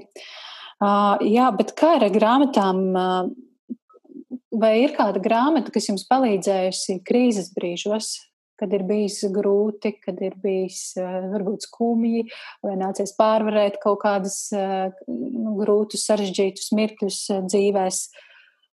Atkal tā var nebūt grāmata par sportu, es, es kaut kā droši vien atkal ar tieši to sporta prizmu vairāk uz to skatos, bet, mm. uh, nu, ja teiksim, man jāatcauc atmiņā tādi brīži, kad ir bijis, bijušas traumas un ir bijusi arī tāda, nu, operācija celī, ka tu tiešām tikai vari mājās sēdēt, gulēt un neko īsti pat pastaigāt nevar. Un, un tad uh, tev rodās vis visādi mošķi galvā. kas, kas tev liek domāt par, nu, kāpēc tu vispār to dari un priekšām tas ir vajadzīgs un tā veselība vajadzēs līdz tur gadiem simts un, un, un tā, nu, viss kaut kas nāk un tad kaut kā tu pārdomā un pārcilā un, un tad um,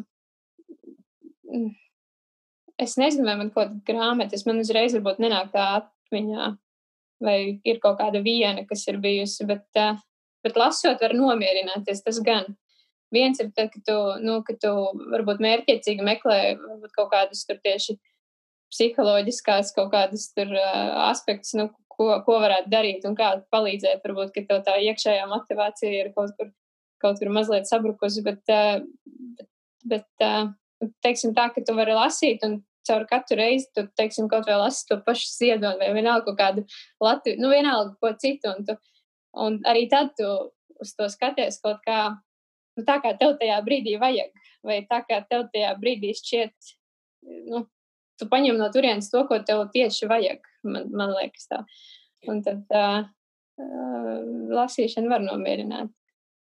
Nu, mm. vismaz, jā. Iespējams, citā brīdī lasot to pašu grāmatu, uz viņu pavisam citādāk raudzītos, tos pašus teikumus pavisam savādāk. Jā, precīzi. Mm -hmm. Kā tev, ģert, ir kāda krīzes grāmata? Ko tu lasi, kad ir grūti? Vai... Uh, nē, kad, kad, ir grū, kad ir grūti vai, vai, vai kad ir tā, tāda krīzes skaļš vārds, bet, teiksim, man liekas, ka ļoti labi var jebkuru krīzi atrisināt, ejot paskriet. Sa sakārtot domas un, uh, un, un visu nomierināt. Un, uh, tā. Bet, bet jā, tāda grāmata, es tā, laikam droši vien būtu jāsaka, ka Nu, redzēju, mēs jau sarunas laikā noskaidrojām, ka liela iespēja uz mani ir atstājusi tā grāmata par ozoliņu. Un, mm. un, nevarētu teikt, ka tajā brīdī bija kāda nu, krīze dzīvē vai kas tāds, bet tas bija vienkārši tāds cilvēks to brīdi pārmaiņu procesā, un, un tas man iespējams spēcīgi ietekmēja. Un, nu, varbūt tā, varbūt ne gluži krīze, bet nu, tā, ka, ka kaut kādā mērā ietekmēts esmu. Un, un jau kādu piekto reizi atcaucos šo grāmatu šodien. Jā, tad man uzreiz jautājums par skriešanu. Jolantai pirmkārt, un arī tev, Girta, lūk, ir grāmata Laimīgā meitene, autora Jessica Nola. Tas ir tāds amerikāņu romāns. Mm, stāsts par meiteni vidusskolnieci, kura. Um, tas stāsts ir uh, kopumā par uh, tādu diezgan traku gadījumu vidusskolā, Amerikas vidusskolā. Tur ir apšaude un tādas lietas, un šeit galvenai varonai ir ēšanas traucējumi un uh, vispār diezgan sarežģītas attiecības ģimenē un dzīvē. Uh, grāmata ir diezgan um, Nu, es, es to ieteiktu izlasīt, īsnībā arī vecākiem ieteiktu izlasīt, jo šādas grāmatas par jauniešiem lieku reizi atgādina, cik svarīgi ir iedzināties savu bērnu dzīvēs un, un kaut kā mēģināt saklausīt viņus un viņu problēmas. Bet ne par to ir jautājums. Vienā šī meitene, galvenā varone, sāka trenēties vidusskolas vieglatlētikas pulciņā.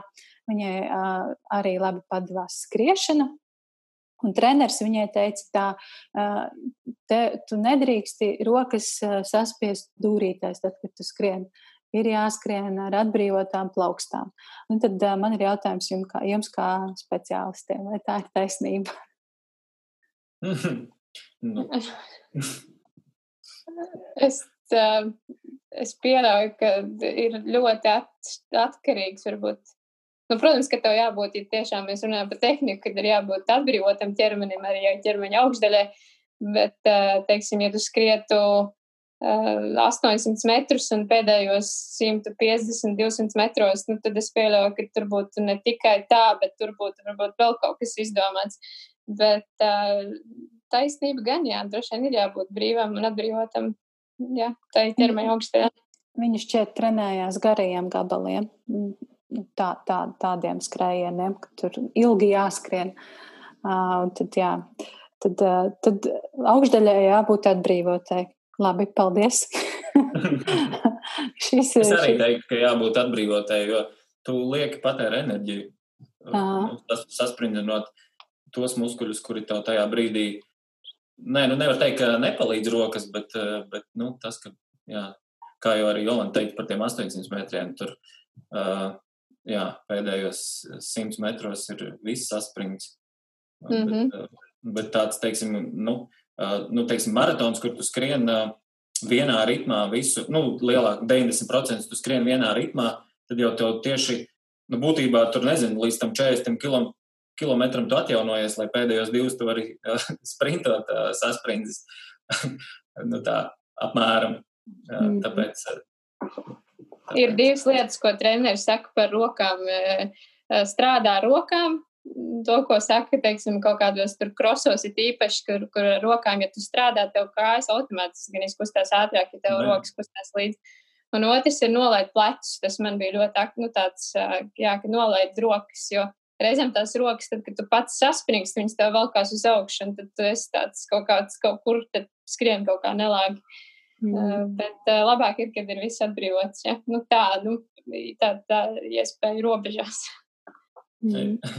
Jā, jo es arī sevi pieķēru arī stadionā skrienot savus tos 400, 800 metrus vai kilometru.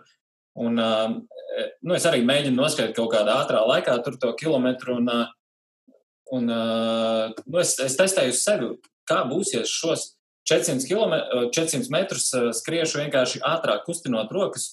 Un es sapratu, jā, ka tās kājas arī iet ātrāk. es tās rokas kustināju ātrāk, apzināti tiešām nu, ar rokām darīju visus tos 400 metrus, un, un, un, un tas skrējiens bija labāks. Tā kā nu, tai augšdaļai ir jābūt gatavai. Mm. Redz, kāda interesanta nianse. Uh, labi, paldies par skriešanu. Tā kā es visu esmu noskaidrojusi. Tad man ir uh, pāris jautājumi par futbolu. Droši vien vairāk ģiptam. Uh, Lūk, ir šāda jauka grāmata. Frederiks Bakmans, te bija Brita Marija. Kā redzi, redzat, te ir futbola bumbu uz vāka un putekļu sūcējs. Stāsts ir par 63 gadus veco vai jauno Britu Mariju. Viņa ir, viņai dzīvē ir tāds nu, pagrieziens, viņa izšķīrusies no sava vīra un, un pirmo reizi, var teikt, pirmo reizi savā dzīvē dzīvo viena, veido pastāvīgu savu dzīvi. Viņa nonāk tādā mazā zviedru pilsētiņā, kurai grāmatā ir pat nosaukums, bet tā var būt jebkura pilsētiņa arī tepat Latvijā, kas ir tāda pamesta un, un, un nu, nekas tur vairs īsti nenotiek. Bet tur ir tāds panīcis jauniešu centrs, kur šī Brita Marija arī sāk strādāt. Viņa sāk trenēt futbola komandu, bērnu futbola komandu. Un uh, stāsts ir ļoti jauks un gaišs, un, uh, un Frederiks Bakmans ir arī uh, divu ļoti labu grāmatu autors vīrs vārdā Ūve un uh, Omce nodot sveicienus, ko es atvainojos, ne, neatceros precīzi var šo nosaukumu. Uh, bet uh, jā, šis, tas, šis, šī grāmata atšķir, mazliet atšķīrās Un, uh, man ļoti patika šī futbola tēma, kas bija grāmatā. Es esmu izrakstījusi vesels divus citātus uh, par futbolu. Es gan tos esmu mazliet patulkojis no angļu valodas, varbūt tie nebūs tik precīzi. Uh, bet es gribu dzirdēt tavas domas par tiem. Un viens no tiem ir šāds: citēju. Futbols piespiež dzīvot tālāk, vienmēr priekšā ir jauna spēle, vienmēr ir sapnis, ka viss var būt vēl labāk. Šī spēle palīdz noticēt brīnumam. Un otrs citāts Mēs mīlam futbolu, jo tas ir instinktīvs. Ja tev priekšā pieripo bumba, tu vienkārši par to iesper. Tu mīli futbolu tāpat kā iemīlēšanos. Tu vienkārši nezini, kā no tā izvairīties. Tad mans komentārs, jā. jā, par, par tevi. Man liekas, ka, jā, jā, man liekas, ka nu, vārda futbols vietā tur jau var likt nu, praktiski jebkuru sporta veidu. Vai, vai tas ir basketbols vai skriešana. Tur bija par to, ka izripo bumba priekšā un tu uzspēr. Nu, jā, nu tā tas ir, protams. Tu, tu, ja redzi kaut kur spēlē kāds, un nu, tu nevari nosēdēt malā, tev, tev arī gribas uh, iet iesaistīties un, uh, un parādīt, ka tu vari labāk. vai, arī, vai arī vienkārši uzspērt uh, nu, pa bumbu un, uh, un, un sajust kaut kādu prieku no tā. Un, um, Un tas pirmais citāts atgādina, kas tur bija. Tur man bija kaut kas, ko es gribēju. Futbols piespiež dzīvot tālāk. Šī spēle nu, palīdz noticēt. Jā, to, jā, jā, piespiež jā, dzīvot tālāk. Nu jā, tu ir, teiksim, kaut kāda sezona, nu, ja tā paņem arī amatieru līmenī vai, vai nu, vienalga kādā līmenī tu spēlē, ir spēle, ir, ir tāpat tās kaut kāda turnīra tabula, kurā tu esi, un uh, vienmēr tu gribi būt augstāk, un, un katru spēli uzvarēt, un pat ja tu neuzvari, tu domā par nākamo spēli un, un visu laiku domā par to, kā, kā nokļūt tajā pirmajā pozīcijā. Un, un tā kā sezona beidzas un tev nav izdevies, nu, neko atkal tu, tu gatavojies nākamajai sezonai un tu domā par to.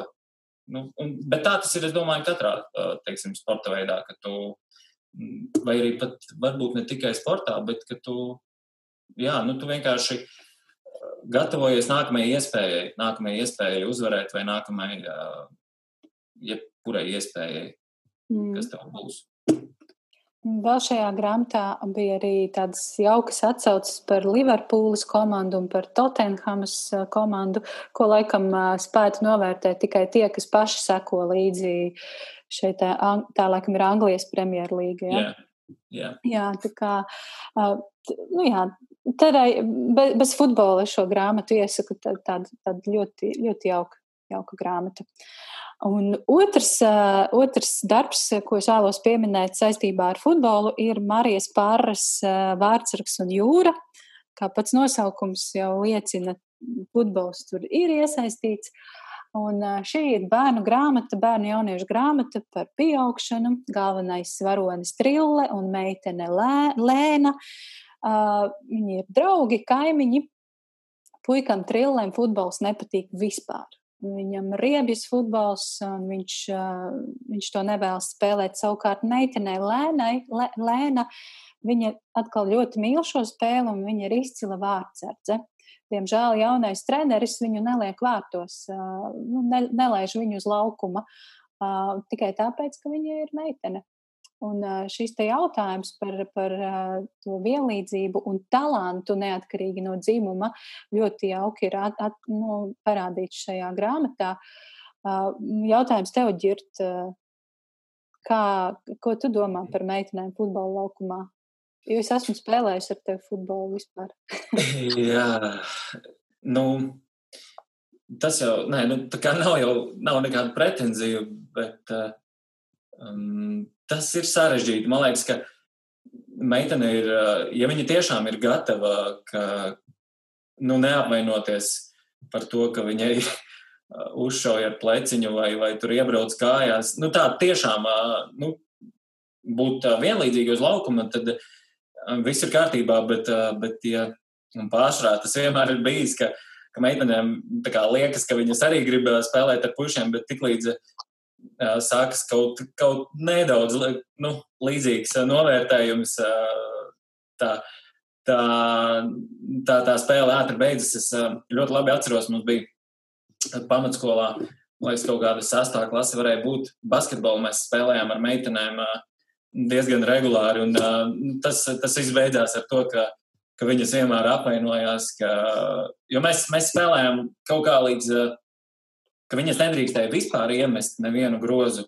Un, uh, un, un mēs savukārt mums tur bija kaut kādi entie punkti jāsamet. Un, un, uh, un tad, ja viņām kaut kā tās kļūdas pēc izdevās to vienu grozu iemest, tad viņas it kā tur baigi izrādījās, ka viņas ir vinējušas mūsu, bet mēs tam pašā laikā teicām, jā, ka mon jūs vienu grozu iemetāt. Bet, nu, jā, nu, nu, diemžēl baiglo vienlīdzību es neesmu saskatījis, jo nu, man nešķiet, ka meitenes ir bijušas gatavas. Tieši, nu, tiešām vienlīdzīgi spēlēt uz laukuma. Viņām liekas, ka viņas eh, ir gatavas, bet tā nav bijis.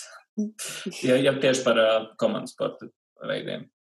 Tūlīt tu saņemsi dusmīgas vēstules, uh, dusmīgas vēstules no no feministiem. bet, eh, bet eh, par Lēnu runājot, eh, viņa ir rīktīgi forša un viņa ir rīktīgi labi spēlē, viņa ir vārdsarce izcila. Un, un, jā, un tur bija tāda for, tād, tāds labs dialogs starp Lēni un Trilli. Viņš prasa, viņa dusmojas, jo, jo komanda ir zaudējusi spēli tikai tāpēc, ka viņa neuzlika uz laukuma, un, un tas vārdsargs, kas ir puika, ir absolūti nekam nederīgs. Uh, Viņa tagad dusmojas, viņa spārda bumbu pret sienu un, un atnāk trille un jautā, nu, ko tu tagad darīsi? Kā, kāds ir izcinājums šai situācijā? Viņa saka, man vienkārši jākļūst par zēnu. Un tā, tas bija tā bēdīgi. Bet, protams, lasiet paši, kā stāsts beidzās. uh, jā, Klau, vai ir kāds autors, kuru jūs tā īpaši mīlat lasīt? Es zinu, ja tavu atbildi jau.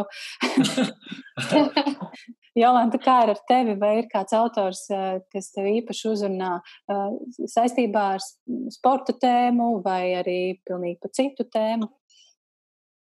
Par sporta tēmu laikam tā viens tāds nebūs gan varbūt tas murakami, bet viņam par to skriešanu ir tikai viena tā mazā grāmata, un tad īsti arī nevar teikt, ka man viņš būtu ļoti, nu tā viena grāmata, jā, bet, um, hmm, hmm, uh, man patīk ja nav jāsaka tikai tieši par sportu, tad uh, arī man patīk, kā raksta Sabīna Košileva. Man patīk uh, lasīt uh, ziedoni. Man liekas, ja es to pasaku, tad uzreiz ir kaut kāda klišeja, jo man liekas, uh, hashtag ziedonis Instagramā ir kaut kas tāds, tāds mazliet nu, nonivelēts vai kaut kā, nezinu, varbūt man tik tā šķiet. Uh, kas vēl tāds? man ātrumā nav, nu, nav laikam, varbūt tie, viens tāds tik spilgts, kas varētu tā nosaukt. Mm. Girt, kā tu vari pakomentēt vēl? Vēl bez Armanda nu, jā, tu varbūt esi visu, visu to, ko viņš ir uzrakstījis, jā? Izdarījis. Jā, jā, jā, jā, visas tās grāmatas, ko viņš sarakstījis, es esmu izlasījis. Cik es kaut kaut kad, jā, pat pārlapoju, cik viņam to grāmatu ir, un es biju pārsteigts, ka tiešām es daudz izlasījis. Tas bija tā. Ko tu, vari, ko tu vari vēl ieteikt bez šī Sandu Ozoliņa grāmatas un, un pēdējās, kur nosaukums ir Aitas? Kas vēl ir tāds no Arvanda Bučs, ko tu ieteiktu izlasīt? Jā, nu man ļoti patika tā grāmata, romāns, viņa interpretācija. Par, par Jaroslavijas lokomotīvas traģēdiju slasts, tur, kur uh, savijās uh, vairāki notikumi padomju Latvija, atmoda, um, Krievija ar, ar visu no tām izrietošajām sakām un, un, un, un tam visam pa vidu vēl jā, hokeja klubs, kurš nogāžas ar lidmašīnu un, un Tad, tad slasts, tā tad grāmata saucās slasts. Tā, tā no viņa man ļoti patīk. Un, un kurtizānes apakšveļa. Arī ar Manda Pučas grāmatu, kur arī ir uh, arī romāns, arī viņa interpretācija par daudz ko. Tur gan tas sports, manuprāt, netika skarts vispār, bet tur arī bija uh, padomju Latvija, atmoda, nu tāds, kā, kā, kā valsts tiek pārdalīta un, un tā tālāk. Mm.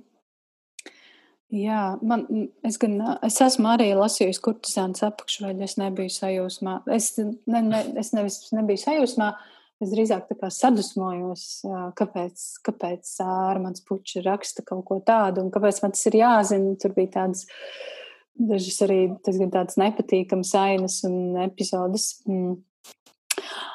No savas puses es gribu visiem klausītājiem, tie, kas vēl savā dzīvē nav izlasījuši, uh, Uh, ir tāds latviešu autors Anšlaus Eglītis, kas ir viens no maniem mīļākajiem latviešu rakstniekiem. Un viņam ir uh, jauks atmiņu romāns Pancija Pilī, uh, kas um, kopumā ir tāds uh, varbūt diezgan tāds. Mm, liekas, ka tur nekas īsti nenotiek, bet viņš, viņam ir ārkārtīgi labas ainas par sportošanu šajā grāmatā, kas man likās gan smieklīgas, gan amizantas, aizkustinošas.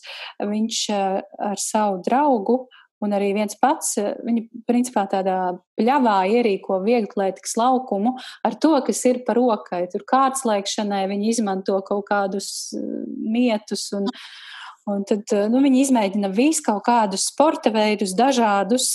Vasarā tas notiek, un, un tu, tu, to ir ļoti interesanti lasīt, kā tas pirmajā Latvijas. Pirmās Latvijas valsts laikā notiek, un, un kā, kā šie risinājumi tiek atrasti dažādiem sporta veidiem. Tad, kad viņi tur, tur savu draugu sasniedz kaut kādu rekordu skriešanā, tad viņiem pašiem liekas, ka viņi ir tur jau, oi, oi, oi, kādi sportisti. Nu, tā, tā kā jā, šo Pancija pilī uh, iedvesmai sportam uh, tādos ikdienas apstākļos varu ieteikt. Nu, lūk, un uh, vēl ko es gribēju ātri izrunāt uh, saistībā ar sportu, ir bērni un sportošana. Uh, jūs abi vai nu esat vecāki, vai noteikti drīzumā būsiet vecāki, uh, tad uh, kā jūs savus bērnus uh, domājat vai kā ievadāt uh, sporta pasaulē. Man ir šāda grāmatiņa mājās. Sports ir lielisks, ko es ar savu meitu ik pa laikam pāršķirstu. tur ir vienkārši ļoti jauki zīmējumi un ap, tādā interesantā veidā, zīmējuma veidā apskatīti dažādi sporta veidi, sākot no arī futbola, hokeja, skriešanas un līdz pat jātnieku sportam un tenisam. Nu, vi, viss, var teikt, autors ir Ole Kenneke. Un, un tad autors ir visus sporta veidus centies aptvert, lai jaunajiem lasītājiem ir kāds pirmais ieskats. Ko jūs domājat? Kā, kā jūs plānojat, vai kā jūs gribētu, vai kā jūs runājat ar saviem bērniem par sportu? Un vai tur ir iesaistītas arī grāmatas? Varbūt, ja ģirtam ir bērni, tad ģirtas noteikti var sākt. Es varu jā, man ir, man ir viens četrgadnieks uh, mājās. Uh, grāmatas tajā ir iesaistītas. Jā, mēs uh, nav tā, ka super apzināties viņam rāda tur uh, sporta, teiksim, kaut kādu, nu, enciklopēdijās kaut ko par sportu, bet, bet tā, kad uh, tajā enciklopēdijā uzšķirās tā lapa par sportu, tad, uh, tad, tad man ir ko tur pastāstīt, un es labprāt pastāstu, un visforšāk, ja viņam arī ir jautājumi, un, uh, nu, tā, kaut kādas lietas pastāstīt.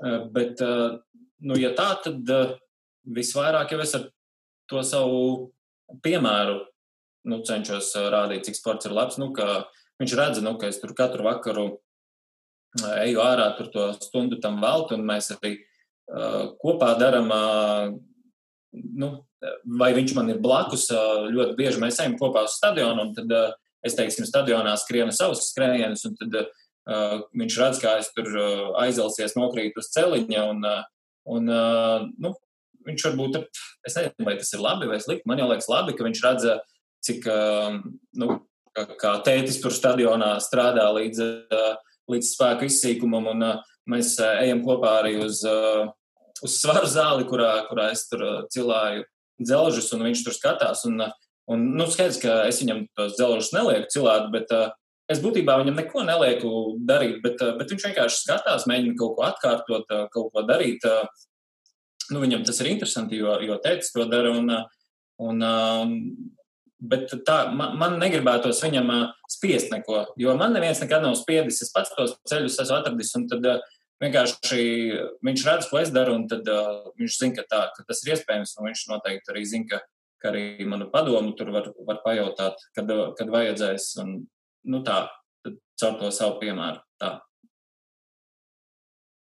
Kā tev ir, Jolanta, vai tev ir kāds komentārs par šo? Uh, tēma. Jā, nu, man drīz tas būs priekšā, ka, nu, labi, droši vien ne tik ātri, man uh, vēl būs laiciņš jāpagaida, bet uh, būs, uh, būs tā pieredze, un tiešām tā uz tavas ādas jāizbauda. Uh, kā tad, uh, kā tad tas būs, bet es, es, es piekrītu absolūti, ka tas bērni jau mācās no mums, un viņi praktiski kopē to, ko daram mēs, un, un man liekas, ka ka tas jau ir tas, jā, ja, ja jūsu dzīvesveids ģimenē ir tāds, ka, ka viņš to fizisko aktivitāti sākumā, ka, nu, vai viņi redz, ka jūs darbojaties paši, tad, tad bērns jau arī, nu, to vienkārši iemācās, redz, grib atkārtot. Un, un man liekas, ka tas ir arī vislabākais ceļš, lai viņš pats savu, caur savu, savu, nu, jā, ka viņam iepatīkās. Un, teiksim, ko tu darīsi, ja tam bērnam iepatiksies tāds sporta veids, ko, ar ko es neesmu nodarbojusies, vai mans dzīves biedrs, teiksim, riteņbraucējs ir bijis, nu, un viņi tur nu, izdomās mākslas vingrošanu vai kaut ko, nu, tad jābūt atvērtam ir jebkam, nu. Un arī pat tad, ja, teiksim, izdomās iet mākslas pulciņā, teiksim. Mm. Tas jā, viss ir ok. Jā. Nu jā, jūs ļoti labi pateicāt, ka pirmkārt ir vecāku piemērs, un tas ir droši vien ne tikai ar sportu, bet tieši tāpat arī ar lasīšanu. Ja mēs gribam, lai mūsu bērni lasa, tad mēs pirmkārt rādām piemēru. Um, ziniet, man laikam gribas teikt jums lielu paldies šodien par šo sarunu. Uh, varbūt ir vēl kaut kas, ko jūs vēlaties piemetināt. Es zinu, ka Jolanta, tev ir ļoti, ļoti liels grāmatu saraksts, ko tu pat nepaspēji visu pastāstīt, apstāstīt, bet uh, es noteikti to ielikšu Instagramā. Mm -hmm, tādu sarakstu un, un ar kaut kādām iedvesmas grāmatām vai, vai vienkārši grāmatām par, par sportu un sportošanu. Uh, bet varbūt, jā, ir kaut kas jums vēl sakāms, tad droši varat Man, es, es nedaudz uh, atcerējos par, par tām meitenēm un sportu. Jā, lūdzu. Lai, lai, lai, Bet es uzmanīju. Tas mani neuzmeklē. Uh, es atceros, bija, bija skolā pāris, pāris gadus jaunāka par mani, bet ļoti talantīga. Viņa bija gan labi basketbolu spēlēja, gan, gan labi futbolu tiešām. Un, un, un, un viņa arī nebaidījās iet divcīņās ar puišiem. Un, un to gan meitenes atceros, tā bija rīktīgi laba. Un, un citreiz es pat domāju, nu viņa bija pat nu, tāda ar tādu lielāku krampi nekā tur dažs labs čalis. Un, Un, jā, tā kā es neapšaubu to, ka meitenes var, var labi spēlēt uh, uh, sporta spēles. Čirts no, mēģina tā, tagad. Uh, jā, es mēģinu izlīst. Es mēģinu izlīst. nu, cerams, ka tā tas būs izdevies. jā. jā.